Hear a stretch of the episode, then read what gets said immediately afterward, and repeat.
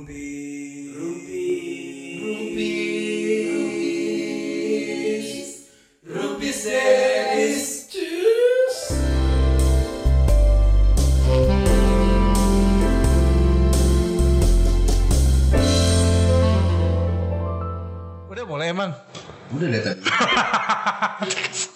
Kebiasaan nggak pernah kasih apa-apa.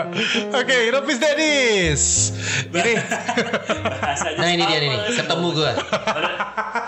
Dari tadi yang gue bilang nih. Pirsawan dan Pirsawati sebelum kita melanjutkan podcast ya Sebentar aja ini Sebentar. ada Asia-Asia Betul. mirip Iya. Pevita Tapi judulnya agak ekstrim sih. Nice body girl. Hah? Titik-titik heart titik-titik and titik-titik. Ah. Ini gue sensor. Iya iya iya. Kalau dia yang Oh, baca kirain- pasti gak disensor. Iya kirain emang kosong gitu. Heeh. Enggak, Emang enggak. kita tuh suruh nebak anjir. Enggak enggak. Itu lu kalau cari di www.xnxx.com cari yang nice body girl titik-titik body heart girl. titik-titik and titik-titik. Ini tuh dia sama pacarnya gitu coy. Ah. Because I love Asian. Iya, iya, iya. Mana? Gak kelihatan juga. Enggak apa-apa. Iya kan nggak kelihatan namanya yang dengerin juga lu ngapain? Enggak, gue pengen lihat lah. Oh benar, lu jangan kaget ya. Tuh lihat. Ini asik coy. So, she's Asian and she's doing it with Apaan kayak Pevita sebelah mananya Pevita? Itu yang lakinya. Ya, Gitu. sama salakinya Pevita. Coy, ini kayak Pevita. Bentar, bentar. Gak ada mukanya. Ya bentar, film porno nggak ke muka terus. Oh iya bener. Tuh. Eh, ya handphonenya nggak nggak Nanti gue mendukung. liatin, nanti gue liatin. Nggak supporting. Nah, nanti aja Nanti lihatnya. aja sih. Ih, Share link dong di grup Itu kenapa keluarga. belahannya horizontal?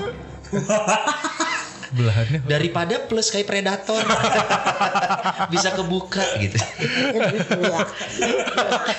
Ini kita mengulang episode Boys Talk ngomongin seks ya. Iya, Kita iya. membuktikan aja sebelum kita mulai podcast juga kita ngomongin porn movies. Yes. For adults. Ih, tapi gak cuma tentang porn adult, eh porn adult, porn movies, tapi kita hal-hal yang penting pun kita obrolin tadi sebenarnya. Oh, apa Iya, tuh contohnya? Tentang posisi. Posisi menonton ya. Posisi menonton film porno. lu lu nggak sih nonton film porno pertama sama teman-teman? Ingat gue. Gue ingat. Kuliah atau SMP? Gue, SMP. Itu kita nggak deketan coy. Ada yang satu agak ke kanan, Iya, iya, iya, satu iya. tuh nyender di belakang. Iya, Karena iya. lu risih aja ngelihat temen lu ereksi ya sih? Dan kayak nonton rame-rame tuh kayak sesuatu yang eh, oke sebelah kanan sebelah kiri. Dan semuanya cowok. Dan gue pernah ke ini loh ke Gap. sama, sama temen gue ke ngapain? di kosan. Tangan lu ngapain? Tangan gue, tangan gue di dalam sih. Ah, dalam Dalam celana. Gak tapi serius. Ini gue kaget banget. Mungkin kalau temen gue yang dengerin podcast ini Dan dia inget gitu ya Dia mungkin tawa kali. Jadi gue di kosan temen gue Kan gue dulu kan rumah gue di Buah Batu. Eh. Eh, Kuliah gue di Jatinangor Kalau gue lagi jam kosong Gue pasti main ke kosan temen gue Temen gue kuliah Gue di situ. Terus gue buka-buka eh, komputer dia kan Main game Main ini. Terus gue liat Eh ada bokep. Nonton lah gue Ereksi lah. Iya Lagi- sendirian Kan gak ada orang Oh. Yang gue lupa adalah dan bodohnya gue kamarnya gak gue kunci. Jadi tiba-tiba ada yang cedak Eh. bro masuk gitu temen gue yang atau lagi atau kosan di situ juga masuk. Eits ngapain lo? Iya. Enggak, gue lagi Tapi- nonton. Umur anak kuliahan mah ngebokep mah ngomong aja ngebokep. Iya, semua santai-santai aja. Cuma dia, dia lu- jadi kayak yang lucu aja dia nyalain gitu. Anjir lagi coli ya, lagi coli ya. Enggak, tapi di mukanya ada kerak. Enek doan wae ngomong. Enggak, kan kasih tahu barusan kita ngomongin Iya. soal kehidupan kampus. eh, eh, kampus. Zaman di kampus kuliah dulu. Lu kan yang sebagai kemarin ngeliatin ke gua apa namanya foto wisuda lo tuh? Ya kan? Wisuda dia. Di umur lu yang ke-36. Tinggal Jadi lima. dia kemarin nunjukin foto-foto wisudanya dia. Tujuannya apa ya? Gak nunjukin foto wisuda, lu tuh suka penggiringan opini anjing. Jadi udah bener Ya, rumah Gini, lu. gini, Yang gini. bener gini nih, ya lihat coba lu gondrong. Ada nih, lihat. Iya itu. Tapi yang dia tunjukin Yang wisuda. foto wisuda, foto mantannya. Enggak, yang gue tunjukin iya karena gini kan itu foto ada di Facebook Iya. foto yang gondrong Iya. kalau scroll scroll jadi fotonya berarti kelewat dong sama masa masa Iya. gue kasih tahu aja info-infonya Oh, iya. Iya lu sih. pernah berambut. pernah Berapa banyak dulu, guys? Aduh anjing kalau mah lagi kaselek orang apa? Rambutnya kaselek eh. Segitu. Dibilangin siapa? Tapi lumayan banyak rambutnya ya. 10 ada. Lu belum lihat gua gondrong gua tunjuk. Ini lo harus lihat gondrong. Zaman dia. gondrong apa sih? Eh tapi gak zaman lo kuliah kan SMA kalau terakhir di gondrong. Eh kalau yang di poster Rumpis Dedi segondrong itu dia? Sama kayak gitu. Wacele gitu. kan? Iya iya iya. Oh iya, Belah tengah lagi. sepanjang gitu. Iya. Ya udah. Nanti nanti lah, nanti lah. Lawan dan Pirsawati kalau pengen tahu Dias Gondrong ya lihat aja poster kita. Jadi poster eh, episode nanti ada foto Dias eh, muda ya. Tujuannya? Lu mau ngurangin pendengar? Bukan clickbait. Clickbait dia Mau seberang. ngobrol ke mana sih nih? Oh iya, iya, iya. kan ngomongin kampus. Jadi kemarin kita habis dari UPI kan. Yoi. Kita habis eh, ke acaranya SK UPI. Sharing session ya? Sharing session barengan sama eh, teman-teman di radio kampus UPI. Suara komedi UPI. Hah, kenapa Suara suara komedi UPI sih. Bukan dong. Surat Bukan. keputusan. Jadi terima kasih banyak buat teman-teman SK thank udah mengundang kita. pisan, Satu kebanggaan juga buat kita bisa sharing dari Yeah. mulai soal radio, soal eh, podcast, terus sempat ngomongin juga soal eh, dedisnya kita ya Termasuk kan. kita kedatangan Sujiwo Tejo kemarin buat Oh, iya? yang eh, eh, tuh si Abi pakai Oh, iya. pakai sarung datang Alam bukan sarung ya, tolong itu. Itu apa sih? Apa sih bahasa- samping. apa? Batik, batik kan. Tapi dipakainya di tengah kan? Bo- batik mah motif kain Abi. Batik masih iya. Batak. Bulu mana tah batik. Ya, kotak. Jadi betul dari Dias Pak yang tadi Dias bilang, gue kemarin pakai samping tapi di tengah. Pakai samping tapi di tengah. Yes. Iya iya iya. Itu namanya samping ya, kain yang lu gitu. batik, kain. Laki-laki nggak semua cocok pakai samping loh. Iya. Kalau gue cocok kan, ganteng kan gue Tapi, kemarin. tapi kita gak ada yang nyangka dia bakal pakai itu ya. Eh, Soalnya dia datang pakai jeans. Pakai jeans kan? Tato ke kamar mandi. Gua sama Akmal, si Abi ke mana kok sampai Lama 15 banget. menit nggak datang, datang datang. Enggak dong, Jadi si enggak Jiwo lima, Tejo. enggak 15 menit dong di berita ini. Ya sekitaran segitu. Terus wayang kulit. 17. Eh? Terus bawa wayang. Mungkin diumpetin sama dia di motornya. Jadi Tapi anyway thank you banget kemarin buat Eh. teman-teman dari UPI, SK UPI, Asli. buat Yani, buat Ulfa, buat Dian. Itu siapa? Peserta-pesertanya. Kok lu tahu? Coba ada namanya ya? Oh iya, iya ada, ada, ada. ada. Yani Ulfa. Yang gua gue ingat ada Anissa. Yang nanya tuh Anissa. Anissa. Yang nanya ini yang nggak nanya, yang sebelahnya Anissa. Si Ra-. Raj, Raj ya. Terus ada Dendi, Dendi. Dendi, Dendi, Dendi. iya. Yang mau masuk urban itu. Dendi, Dendi. Dendi langsung follow IG-IG lo kan? Iya. Iya, Dendi ini yang rumpi Dendi. Rupi Dendi. Thank you. Plesetan aja lo dasar Sri Mulat. Tesi kabul kabul. Terus juga kemarin terima kasih banyak buat panitia ada Mega, ada Nure, terima kasih pokoknya Oh, buat iya, Nure. semua yang udah eh, mengundang kita. Dan kita tunggu Mana menang penghargaan naon sih bang? Menang penghargaan. Eh kita kasih, kita diundang ke sebuah kampus dikasih kepercayaan buat sharing soal Betul. podcast kan kebanggaan. Karena tidak semua podcasters punya kesempatan ini ya. Dan kita kebetulan dipercaya dan karena kita punya link orang dalam juga. kita yang dipercaya buat Kemarin jadi share. pembicara kita bayar berapa sih? Jadi kita yang bayar ya. Kita yang bayar. Biar biar kita Lu ngisi. pikir gua nggak pakai bensin ke sana? Jauh coy Upi. Jadi uh, maaf juga kalau misalnya banyak kurang-kurang dari kita. Iya, iya. Apalagi banyak obrol omongan saya yang nggak kema yang ke mana-mana nggak jelas. Nah, kalau mau tahu ke mana atau enggaknya obrolannya Dias, Iya. jadi gue kemarin sempat udah gue rekam nih buat Rubis Dedis, ya. Eh, itu spesial, spesial. Spesial. Lu menurunkan derajat kepintaran lu barusan dengan ngomong spesial. spesial itu adalah sesi Q&A barengan sama Rubis Dedis dan kita ada beberapa poin-poin bagus sih. Abi ngomong, lu ngomong, Dias ngomong, gue ngomong. Oh ini jadi yang kita puterin yang kita sesi kasih Q&A? sesi Q&A. Ah, oke. Walaupun Ya. honestly kurang banyak menurut gue ya. Iya. Q&A-nya. Next time mungkin akan lebih banyak. Jadi kita sih eh, buat yang dengerin podcast ini, ini sebentar banget podcast juga. Kita pengen eh, mungkin kalau teman-teman di kampusnya pengen ngundang kita, silakan share Ya. aja via Instagram, DM aja atau email di mana Yas? Rompis. Rumpis Dadis. Sejauh ini kita for free loh. Rompies Dadies. Yes, Iya. at gmail.com ya. Oke. For free kok kalau misalnya For lewat free. kita. Nanti kalau lewat manajemen, aduh kalau Iya. manajemen tuh ribet ya ke manajer kita. Ada kita manajer. Ada.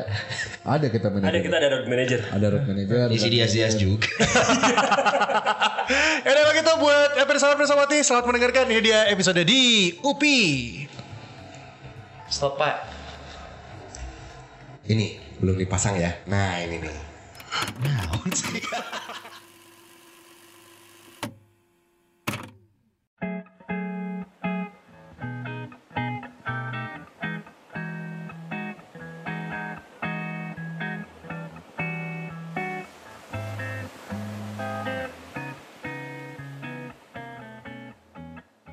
Oke, eh, selanjutnya sekarang kita masuk ke sesi tanya jawab. Nah, dari teman-teman sendiri ada yang mau bertanya nggak?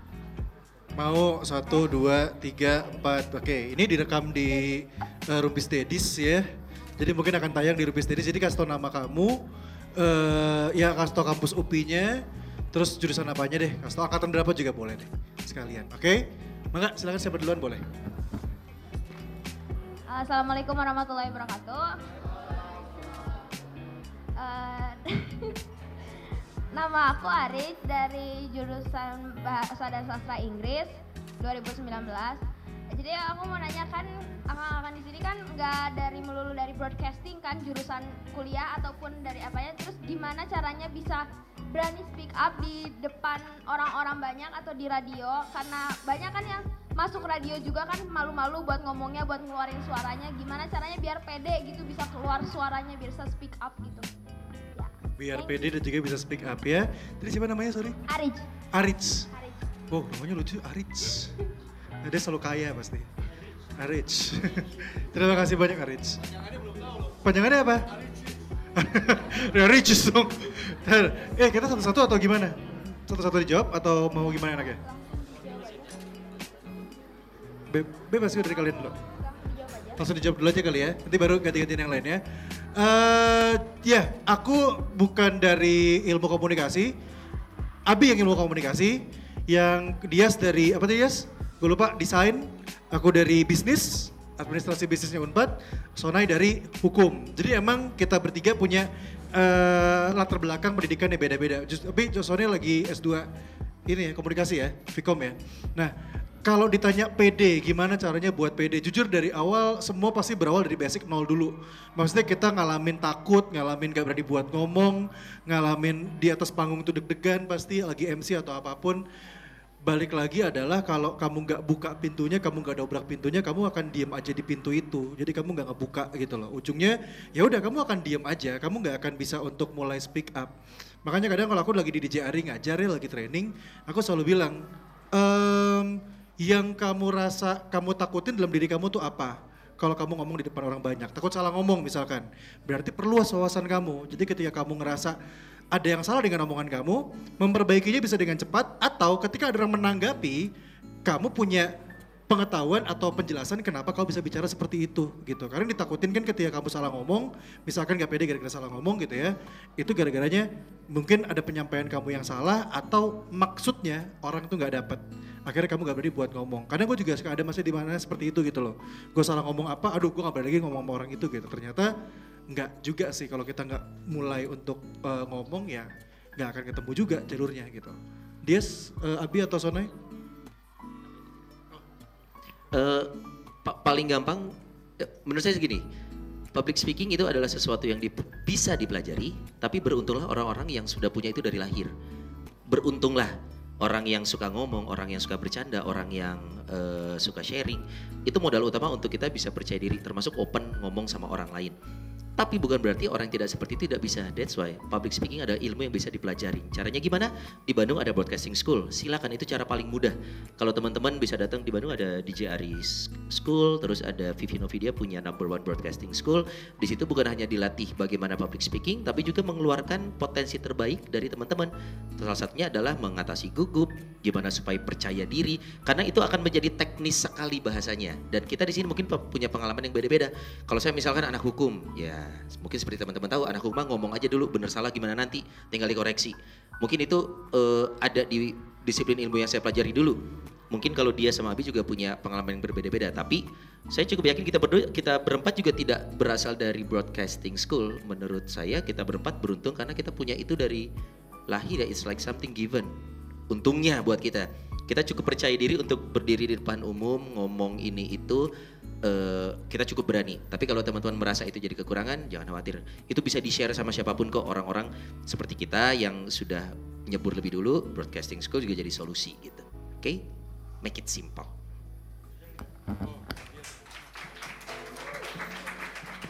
Terus kalau misalnya tips ti- eh, caranya untuk awalan suka malu ya kadang-kadang ya.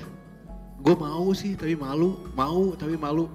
Kalau gue sih ngakalinnya nggak pernah dengan kan kita harus bertatap-tatapan ya sama audiensnya kayak kayak gini nih. Gue sih awal-awal nggak pernah nggak pernah lihat mukanya. Ini sih ini ada di di lu bisa kalau ngajarin di, di ngajarin di JRI selalu pakai ilmu ini ya.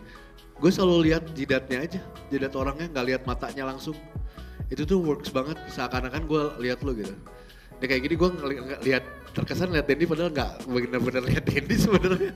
Maksudnya lihat liatin ininya aja kalau malu. Terus kalau nggak cepat pindah aja. Gini gini gini, gini gini gini. Itu, itu sih kalau secara tips ininya apa prakteknya gitu kalau malu. Dan kalau misalnya, aduh tapi takut salah atau apa, balik lagi kalau gua hajar aja nanti juga nemu oh berarti salahnya gini ya oh gitu sampai nemu salah salahnya soalnya gue punya prinsip adalah Gak mungkin lu tiba-tiba jadi pinter, lu harus jadi bodoh dulu. Bodoh itu normal kok, karena dari bodoh lu jadi pinter. Kalau misalnya pinter duluan, lu jadi sombong. Jadi mending bodoh duluan baru jadi pinter. Itu kalau gue. Ya, pertanyaan selanjutnya. Eh, perkenalkan nama saya Haryo dari jurusan matematika. Hai Aryo. Gua pertanyaannya gini Kang, Eh, kalau misalnya kita kan dalam broadcast itu kan pasti selalu ngomong terus nih, gimana caranya biar nggak nggak kehabisan kata, terus eh, pas ngeblank tuh gimana? Eh, jadi eh, mungkin tips-tips biar ya kena knowledge itu bertambah tuh caranya kayak gimana gitu? Kang, makasih. Oke, diulang ya pertanyaannya sama gue ya. Gimana kan sebagai broadcaster itu kerjaannya ngomong terus gitu kan. Gimana caranya biar tidak kehabisan kata dan gimana caranya biar bisa nambah terus apa? pengetahuan. Kalau buat gue pribadi nih, tapi gue yakin semua juga sama sih. Mungkin buat teman-teman juga ya, gimana caranya biar kita tidak kehabisan kata pada saat kita menjadi seorang speaker atau ngomong di depan umum. Menurut gue, satu yang paling utama adalah antusiasnya dulu. Kayak lo harus menumbuhkan antusiasnya dulu aja. Karena gini, kita tidak belajar di sini kita yang sudah beberapa tahun di dunia broadcast teman-teman yang baru masuk di dunia broadcast ya kita ambil ke beberapa tahun yang lalu deh zaman lu masih SMP zaman lu masih SMA zaman kita masih sekolah kita belum kenal dunia broadcast pada saat lu lagi ngobrol sama temen lu untuk satu hal yang memang lu antusias lu bisa ngobrol berjam-jam bener tuh lu nggak nggak tahu ilmu broadcast sama sekali pada saat itu gitu cuman karena antusias aja gua ketemu Akmal nih ngomongin MU mau ngomongin MU butut atau MU halus kita bisa berjam-jam ngomonginnya Atau enggak awal-awal PDKT eh, WhatsApp call sejam, dua jam. Gus menang mah wae. Kalau malah tuyang ya ke Mobile Legend. Kenapa bisa kayak gitu pas udah kena was udah dapat karena antusiasnya mungkin udah berkurang karena masa-masa indah pacaran kan masa-masa PDKT sebenarnya ya nggak sih? Dan geus benang mah nyanggeus we. Benang bobogohan maksudnya bro. Untung itu benang. Gitu jadi antusiasnya dulu harus diting, harus dimunculkan sih. Kayak kita ada di sini, kita bisa ngomong 2, 3, 4 sampai 5 jam tanpa berhenti karena kita semua antusias dengan materi yang akan kita sampaikan. Tapi kalau misalkan Sony, lu jadi pemateri ya tentang memasak kaldu gurih dan tuh bisa masak dan mau bisa 10 menit gelir meren. Dan nggak ngerti nggak akan antusias juga gitu sebenarnya. Antusias dulu yang ditumbuhin. Habis itu baru knowledge-nya, baru ilmunya. Habis antusias baru banyak baca tuh. Kalau kayak kita-kita nih bukan berarti semalam kita santai-santai tiduran aja. Gue pribadi gue sempat baca-baca lagi karena untuk nge-refresh. Nge-refresh lagi karena apa yang dijalanin kadang penyampaiannya kita kayak aduh kemarin teh gue kepikiran apa ya tapi nyampeinnya gimana ya nah fungsinya untuk itu kita baca-baca lagi tuh untuk tahu nyampeinnya nanti gimana kurang lebih itulah terus kalau eh, gimana caranya biar kita bisa terus meningkatkan knowledge dan lain-lain ya lo harus banyak-banyak bergaul ini mah ilmu umum sebetulnya lah lo gaul sebanyak mungkin gaul dengan siapa pun, ambil sisi baiknya, buang sisi jeleknya, udah dari situ aja lu udah bisa dapat banyak banget ilmu. Nggak cuma tentang broadcast, tapi ilmu kehidupan, filsafat dan lain-lain mungkin bisa dapat. Tepuk tangan atuh. Iya.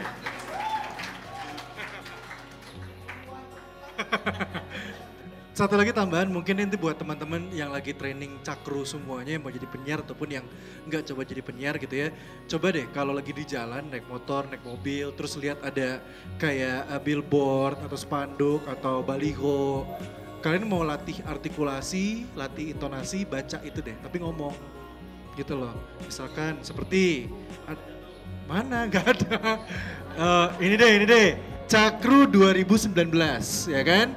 Misalkan aku lewat terus baca Cakru 2019. Cakru 2019. Cakru 2019. Jadi kalian mainin intonasinya, mainin artikulasinya. Karena siap, eh, dengan begitu kalian akan terlatih terus menerus dan ya tadi siapa tahu dari bacaan-bacaan yang kalian temukan di Baligo atau apa bisa jadi materi kalian untuk dibahas wawasannya bertambah lagi. Gitu ya.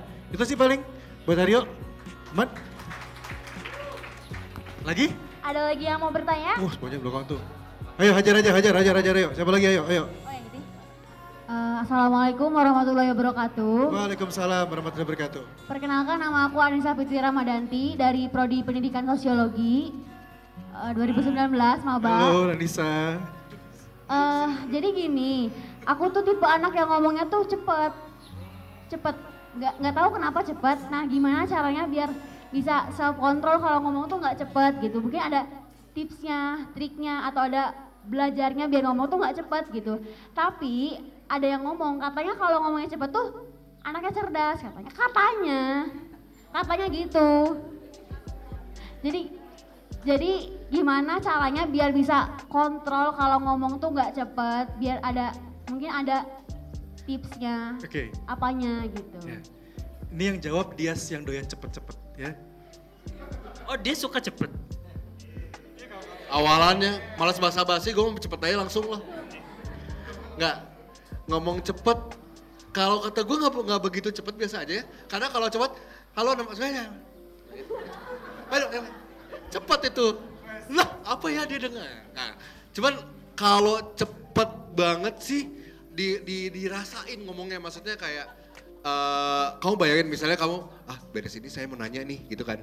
Kamu pasti berpikiran seperti itu beres ini saya mau nanya nih mau ngenalin abis nanya saya pasti mau kan kamu pasti punya plan di sininya kan pas tadi abis nanya saya mau ngenalin gini, gini. tinggal diatur aja jeda-jedanya. Gue juga kalau ngomong cepet malah belibet. Gue juga gue juga sama kok diomongin kayak gitu. Iya. Kita sama banget. Ya. ini apa sih nih eh Iya iya maksudnya eh gue juga kayak gitu. Gue gua kalau ngomong cepet banget. Eh, jadi susah mempresentasikan sesuatu. Tapi latihannya selalu begitu. Jadi sebelum keluar, gue mau ngomong ini ini ini ini di jeda-jedanya sebelah mana ya kayak. Halo, nama saya. Jadinya main intonasi kalau saya gitu. Tapi mungkin itu tips dari saya nggak tahu deh. Kalau dari Akmal yang selaku dari teorinya lah, gue nggak. Sebenarnya kalau gue juga sama, gue kalau ngomong nih kan ini udah cepet juga nih, tapi memang terlatih pelan-pelan untuk bisa ngomong lambat. Sonai yang kalau ngomong tertata, dia rapi ini kalau ngomong. Ini Abi, Abi, eh, aku sama Dias hampir mirip sebenarnya. Kita kalau ngomong suka ada cepet. Kalau kamu dengerin podcast juga kadang-kadang gue tuh suka ngerasa kalau gue nggak jelas selain emang mic kejauhan gitu ya. Kadang kecepatan kalau ngomong. Sonai kalau kalian dengerin jernih banget kalau dia ngomong. Mic jauh pun jernih aja gitu. Kurang ajar emang.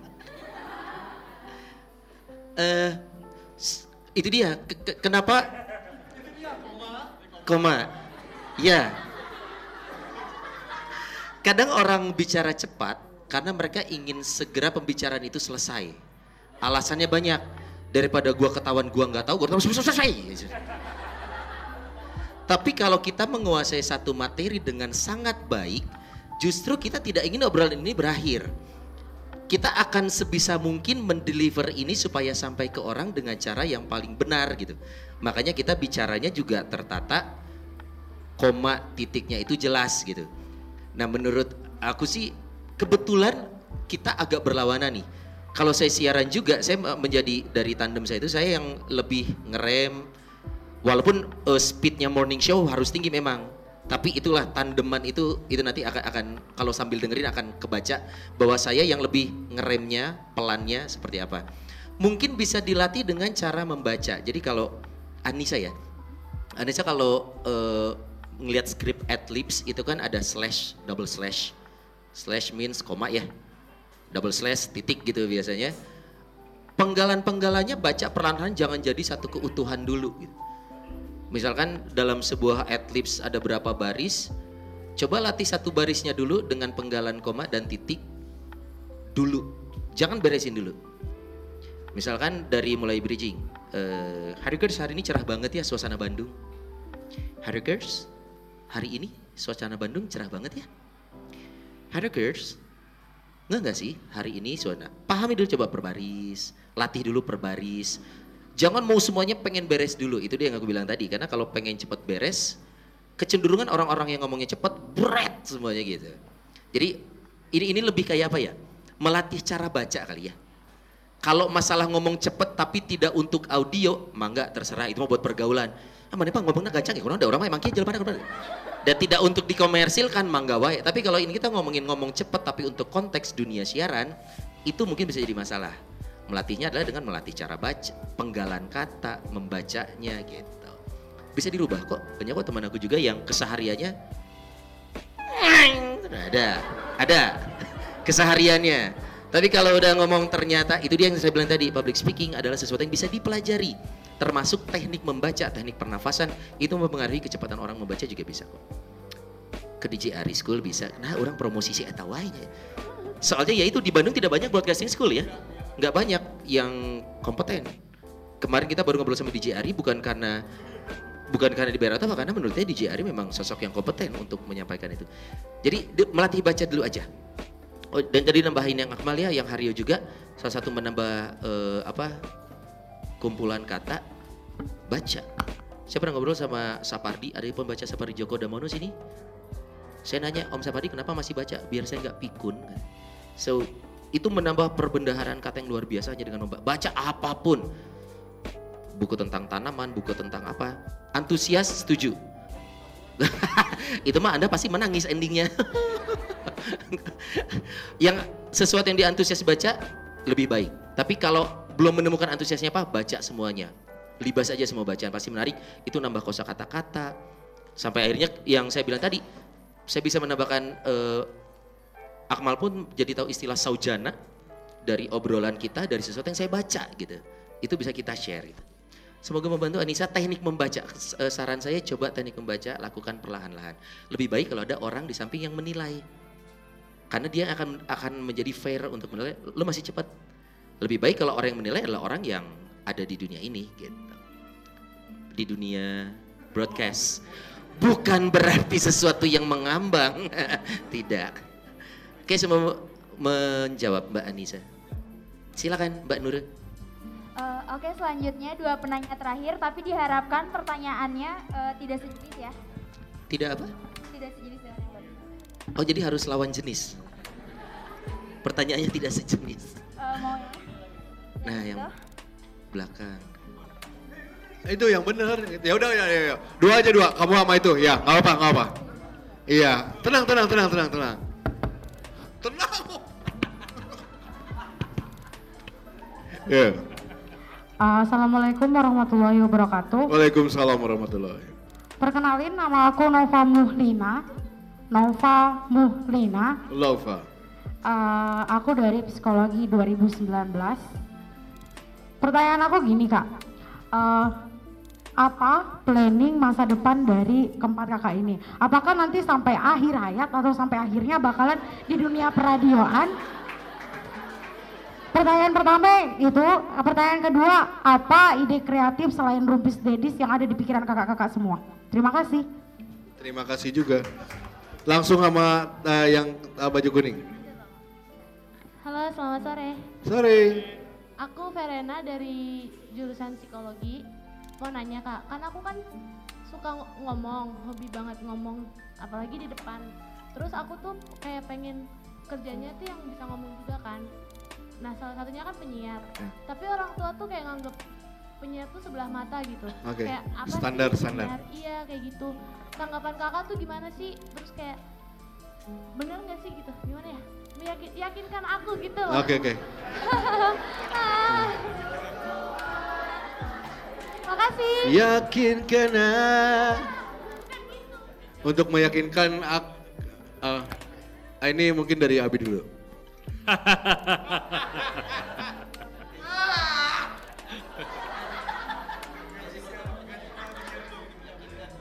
Gue awal siaran tuh 2005 kan. 2005 waktu itu satu bulan siaran. Alhamdulillah bisa menghasilkan uang sendiri sebesar 200 ribu rupiah.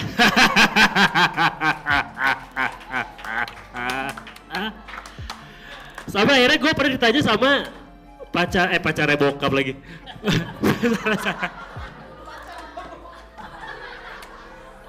salah salah.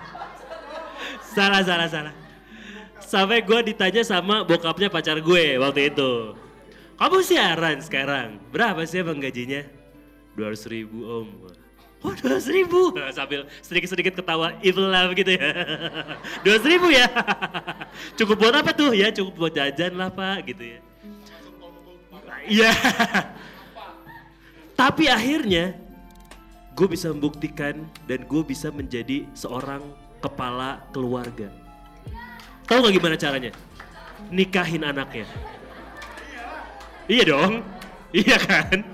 Buat jadi kepala keluarga, nikahin anaknya dong. Tidak ada cara lain. Of course. iya, iya, iya. Itu 2005. Tapi syukur alhamdulillah 6 tahun kemudian di usia gue yang baru seperempat abad waktu itu. Ya berarti kurang lebih 18 tahun lah ya. Ya kan gue gak usah kasih tahu dong udah pada gede ya kan. Gue bisa mencapai angka gaji atau take home pay, take home pay gue setiap bulan itu dengan nominal 2 digit. Gak ada yang mau tepuk tangan. Jadi teman-teman, aduh duh.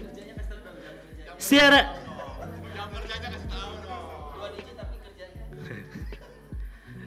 Di sini ada yang mau gaji dua digit? Mau dong. Coba, coba lo, lo tanya sama kakak-kakak lo yang udah pernah kerja ya kan. Dia kerja, ada yang kerja di rumah kerja musik jam berapa? Jam 9 ya kan. Pulang jam berapa? Jam 6 ya kan. Kadang-kadang lembur sampai jam 10 ya kan. Gaji masih aja 4 juta ya kan. 2011 my friend, 2011, 8 tahun yang lalu gue siaran jam 7 pagi, selesai jam 10 malam. Eh salah, lama dong.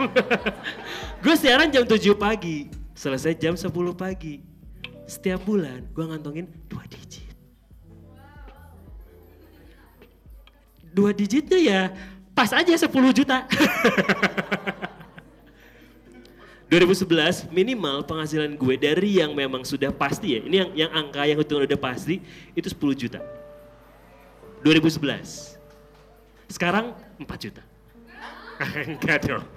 Tidak mungkin. Tidak mungkin kan? Masa penghasilan turun? Tidak mungkin. gitu teman-teman. Jadi tentang masalah keuangan, gini, memang akhirnya si penyiar ini gue memulai dari yang 5000 rupiah per jam waktu itu ya, sampai akhirnya sekarang Sony dengan siaran dong udah bisa bikin sebuah cafe and bar namanya Mal Mal Mal apa Malio apa? Oh Malmo. Per jamnya memang jadi untuk starting sebagai penyiar mungkin lu tidak akan besar, tapi di situlah proses lu belajar, lu mengasah mental, lu eh apa ya, Son? Ya eta lah pokoknya mah. Orang mau ngomongin kayak emosi soalnya. Bahkan pernah sama banyak apa sih jadi penyiar, apa sih jadi penyiar gitu. Mereka belum tahu aja nikmatnya jadi seorang penyiar. Kerja cuma dengerin lagu, ngomong 3 jam 10 juta, ya kan? Belum nge-MC ya my friend. Iya gak sih? Benar, tepuk tangan buat yang dua digit. Tapi gini, eh, ini singkatnya aja deh. Eh, ini seribu banget, gak lucu kalau gini-gini. Bawa bawa jokes komplek gitu loh. Jadi gitu teman.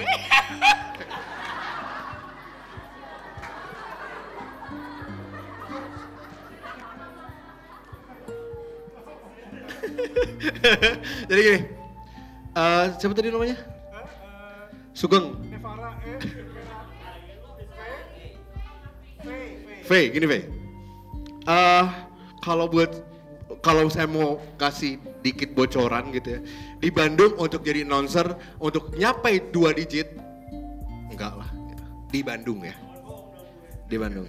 Enggak, lu kan bukan eh, bukan di waktu di Jakarta, dia waktu di Jakarta serius. Kalau di Jakarta untuk middle yang belum naik-naik banget nyampe dua digit. Tapi bukan mah, ah? I- iya ya, iya iya kan Anda naik VJ MTV dulu. Sekarang kan nggak laku. Eh gini, bukan masalah itunya, tapi didapat setelah istilahnya kamu sekolah gitu. Istilahnya kamu dapetin pengalaman di saat kamu jadi eh, announcer. Karena jadi di, di, di saat kamu jadi announcer, kamu akan jadi ketemu dengan eh, orang-orang besar en- entah dengan kamu apa yang misalnya kamu fans sama siapa nanti ketemu. Nah dari situ tuh ketemu lagi kesempatan-kesempatan lain. Yang paling kecil yang paling eh, ke- dekat itulah kamu ketemu dengan kesempatan jadi MC nah dari MC juga itu bisa menghidupi kamu loh. Teman-teman ini bertiga ini MC ya mereka bisa dibilang justru tambah besarnya pendapatan per bulannya dari MC gitu. Jadi kalau kata gue, lo buat yakinin orang tua kerjain dua-duanya. Psikologi kan jalanin jadi psikiater eh, dan juga eh, si announcernya pat, tekunin juga.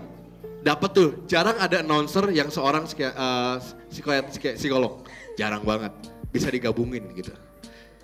Jadi jangan pernah Terima kasih. Jangan nggak jangan berhenti, jangan berhenti di salah satu. Dua-duanya gas. Gitu. Boleh? Dikit aja ya. V tidak bukan. Di di Indonesia terutama di Bandung, ternyata seorang penyiar, penyiar bukanlah profesi utama. Karena seorang penyiar tidak akan bisa memberikan secara pragmatis ya, tidak akan bisa memberikan penghasilan besar untuk menghidupi keluarganya saja, hanya dari siaran gak ada. Cerita itu nonsens. Tapi yang dia bilang tadi, menjadi seorang penyiar itu membuka pintu lo untuk bisa masuk ke banyak hal. Trainer, motivator, MC, eh, fasilitator, dan lain-lain. Itu hanya menjadi pintunya saja. Dan benar kata Dias, nggak harus jadi profesi utama kok. Lakukan profesi, profesi utama sebagai psikolog, sebagai seorang apa? Siaran itu kan hanya butuh kata Abi 2 jam, 3 jam. Setelah itu, lo bisa melakukan kegiatan lainnya. But remember, YOLO, you only live once. Kalau lo nggak ngelakuin apa yang lo suka sekali aja dalam hidup lo, penyesalan lo akan luar biasa. Itu dia mungkin kalau boleh sharing kenapa saya keluar dari bank, karena akhirnya saya menyadari saya sukanya broadcasting. Saya mengorbankan kerjaan waktu itu as a legal di bank gitu. Ya, berani ambil keputusan. Orang tua menjadi referensi harus. Tapi yang menjalani hidupnya adalah Anda sendiri. Asal bisa memberikan argumen dan alasan yang masuk akal dan bisa menjanjikan sesuatu. Karena orang tua kan finansial ya rata-rata ya. Mau jadi apa kamu, makan apa kamu. Abi juga sampai pacar bapaknya ya. Pacar bapak, oh salah sorry sorry. Bapak pacarnya ya. Iya. Artinya, artinya ja- gue masih nggak habis pikir pacar bapaknya dia tahu gitu. Jadi, jadi jalanin, jalanin. Jadi seorang penyiar daripada nyesel nanti, lakukanlah sekali aja dalam hidup. Oke? Ini mungkin ngejawab yang terakhir juga ya, Rumpis Dedis ya tadi ya. Eh, gimana ke depannya Rumpis Dedis sama satu lagi itu adalah eh, ide kreatif apa buat Rumpis Dedis? Planning juga, oke. Kalau planning ke depannya sebenarnya jujur kita juga nggak pernah tahu. Tapi gini, eh, membuat Rumpis Dedis itu berawal dari memang kita pengen ngerjain sesuatu yang menyenangkan buat kita semua. Rutinitas Abi udah nggak bisa siaran karena eh, dia program director. Kalau dia siaran, mungkin akan jadi konflik of interest gitu loh di mana mungkin akan ada ya anggaplah satu hari mungkin dia salah ngomong atau apa ya kan Gana juga sebagai PD gitu kan Dias Dias di siaran dia tidak bisa berbuat banyak karena ada rules di siaran dan dewasa muda apalagi radionya. Sama hal dengan Sony Bastian juga sama. Jadi banyak banyak hal dari dari dari kita yang tidak bisa bebas mengutarakan semuanya. Dan kebetulan podcast jadi wadah buat kita untuk bisa lebih eh, bebas lagi dengan tema yang kita bahas. Planning ke depan jujur kita nggak tahu tapi sampai sejauh ini kita konsistensi. Setiap minggu kita akan upload sesuatu yang menarik untuk kita dan juga untuk yang mendengarkan. Makanya kenapa eh, kita sih juga minta di sini buat teman-teman kalau bisa follow penyi eh penyiar tadi gue ngomong. Follow at Rumpis Dedis ya. Eh, penyiar, boleh penyiar juga boleh lah. At Rumpis Roempies Dedies mangga di follow coba didengerin aja. Mungkin temanya eh, kadang cocok buat kamu, kadang enggak. Tapi yang menarik gini, di Rumpis Dedis itu kita kadang ngebahas sesuatu-sesuatu yang eh, pada zamannya kita. Yang mungkin buat kalian, oh zaman itu ada begini ya. Kayak Sony Bastian ini seneng banget dia ngereferensiin penyanyi, musisi, dan lagu jadul. Ya mungkin buat kalian kalau yang doyan-doyan sekarang lagi ada zamannya diskoria atau apa pun yang suka nge apa muterin lagi lagu-lagu lama mungkin bakal tahu. Dan itu akan jadi sesuatu yang menarik juga buat teman-teman. Di luar itu tema kita yang angkat ada berhubungan dengan keluarga. Dan mungkin dari UPI ini ke depannya buat Rumpis sedih ya? Aduh sedih, sedih, sedih gue. Keinjak ya. Ya. Ya Allah, Bapak zaman kapan? Nah ini kayak jokesnya om-om kayak begini itu ada. Nah, Bapak-bapak komplek tuh ada kayak begini ya. Jadi mungkin dari UPI ini kita berempat pun pada akhirnya ngelihat, oh kita ada pendengar baru nih. Kita ada, oh sebutan buat pendengarnya Rubis Dedis itu Pirsawan dan juga Pirsawati. Kita ada Pirsawan dan Pirsawati baru nih gitu. Yang di mana mungkin tema yang kita angkat, mungkin nanti kita akan bahas zamannya Dias, nguliah gimana. Soalnya dulu di kampus kayak gimana, gue gue gimana, atau Abi kayak gimana. Mungkin nanti akan ada bahasan-bahasan seperti itu. Intinya poinnya adalah jujur sampai hari ini kita belum tahu ke depannya kita seperti apa. Tapi sampai dengan sekarang kita melihat ya kita bareng aja. Yang harus kamu tahu adalah Dias punya lingkungan sendiri, Sonai punya pertemanannya sendiri, Abi punya kesibukan sendiri, aku pun juga sama. Jadi kalau dibilang kumpulnya kapan ya mungkin bisa seminggu sekali. Saat taping doang, yang serunya seminggu sekali itu dia punya cerita baru, Dias punya cerita baru, Abi pun ada cerita baru. Jadi kayak kayak ya sekali ketemu tapi menarik gitu loh. Dari situlah kreativitas tadi bikin sesuatu yang baru itu muncul di Rupis Dedis. Gitu. Dikit aja nambahin ya, dikit banget. Eh planning, kenapa kita nggak ada planning? Sekali lagi gue tekenin, bukan dikit, dikit dong. Ini dibikinnya for fun. Jadi nggak ada kita nggak ada nothing tulus. Gue kita bikin ini berempat karena kita stres sama kerjaan. Maksudnya ya pengen aja ngelampiasin semuanya. Gue siaran nggak bisa ng- ngomong eh, bangsat lu, anjing lu gitu. Eh, di di podcast bisa ngomong gitu dan lain-lain. Dan mereka punya kesibukan masing-masing. Akhirnya pas kita bikin podcast ya udah seneng keluar semua. Dan bikin ini for fun aja gitu. Tapi ternyata wah bisa dinikmati, bisa diapresiasi alhamdulillah udah itu aja sih. Makanya belum ada planning ke depan. Kita harus gimana ya? Kayak bikin satu brand gitu. Nggak seperti itu gitu. Oke, kasih aja ke gue. Tepuk tangan dulu buat Dias, Abi dan juga buat Sonai. Oke, terakhir teman-teman ini terakhir banget. Sebelumnya kalau uh, ada yang masih mau nanya atau apa nanti mungkin bisa di setelah ini. Uh, sekali lagi kalau mau follow di @rompsdds tuh dia di sebelah sana. Dan kalau ada yang pengen bikin podcast dan juga mungkin pengen dengerin radio. Ini karena kita sampaikan juga, kita berempat juga disupport sama Suara juga. Jadi ada aplikasi namanya Svara, S V A R A. Svara ini, ini boleh dibilang karya anak bangsa. Dan kalau kalian tahu ada iHeart Radio, ya, Goal Suara ini hampir mirip dengan iHeart Radio. Dia ingin menjadi eh, aplikasi yang memutarkan semua radio di Indonesia. Dan nextnya punya step bahkan dunia. Di situ pun juga ada podcast-podcastnya dari usernya di Suara Nian Podcast dan juga ada podcast dari radio. Jadi kalau radio-radio yang punya on demand eh, apa namanya yang bisa dengerin secara on demand dia akan bikin di situ juga dan juga ada playlist musik. Jadi bisa dengerin musik-musik yang playlistnya dibuat sama MD dan juga sama eh, kita sendiri gitu loh. Kita juga bisa bikin playlist di sana. Nah, eh, terima kasih banyak buat yang udah download aplikasi Suara. SKUP juga ada di sana. Jadi kalau beli radio SK kalau lagi online ya, lagi online nggak bisa dengerin di jalan, bisa dengerin di eh, Suara. Terus kalau mau bikin podcast caranya gampang banget di suara. Kalau kalian udah punya rekamannya atau baru mau ngerekam bisa langsung di suara juga bisa. Em, yang mungkin belum ada itu adalah ini ini aku update nggak apa-apa. Yang belum ada itu adalah RS, RSS-nya. Jadi dari suara belum ada RSS buat keluar. Tapi nextnya bakal ada. Nah kalau kalian udah, udah, udah pernah bikin di Anchor atau pernah bikin di aplikasi lain, saran saya sih masukin aja di suara karena biar perluas lagi jaringan eh, podcast kalian didengerin. Di suara bisa masukin RSS yang punya kalian. Jadi kita belum bisa ngasih tapi bisa upload RS, RSS yang kalian buat di aplikasi lain. Gitu. Jadi silakan dicoba buat dengerin eh, di suara S V A R A. Ini dari gua pribadi deh, buat kalian yang pengen bikin podcast, nggak tahu cara awalnya atau gimana, atau ngeditnya gimana, saya siap bantu. Saya, maksudnya saya pribadi siap bantu, kabarin aja maksudnya, beneran. For free, for free. Eh, Oke, mungkin eh, untuk sesi diskusi kali ini dicukupkan dan kesimpulannya adalah eh, di radio ini banyak sekali elemen-elemen yang mungkin teman-teman belum ketahui seperti musik director dan sebagainya. Lalu jika teman-teman ingin join di radio konvensional, teman-teman tidak tidak hanya skill yang bagus tetapi harus juga memiliki atti- attitude yang bagus.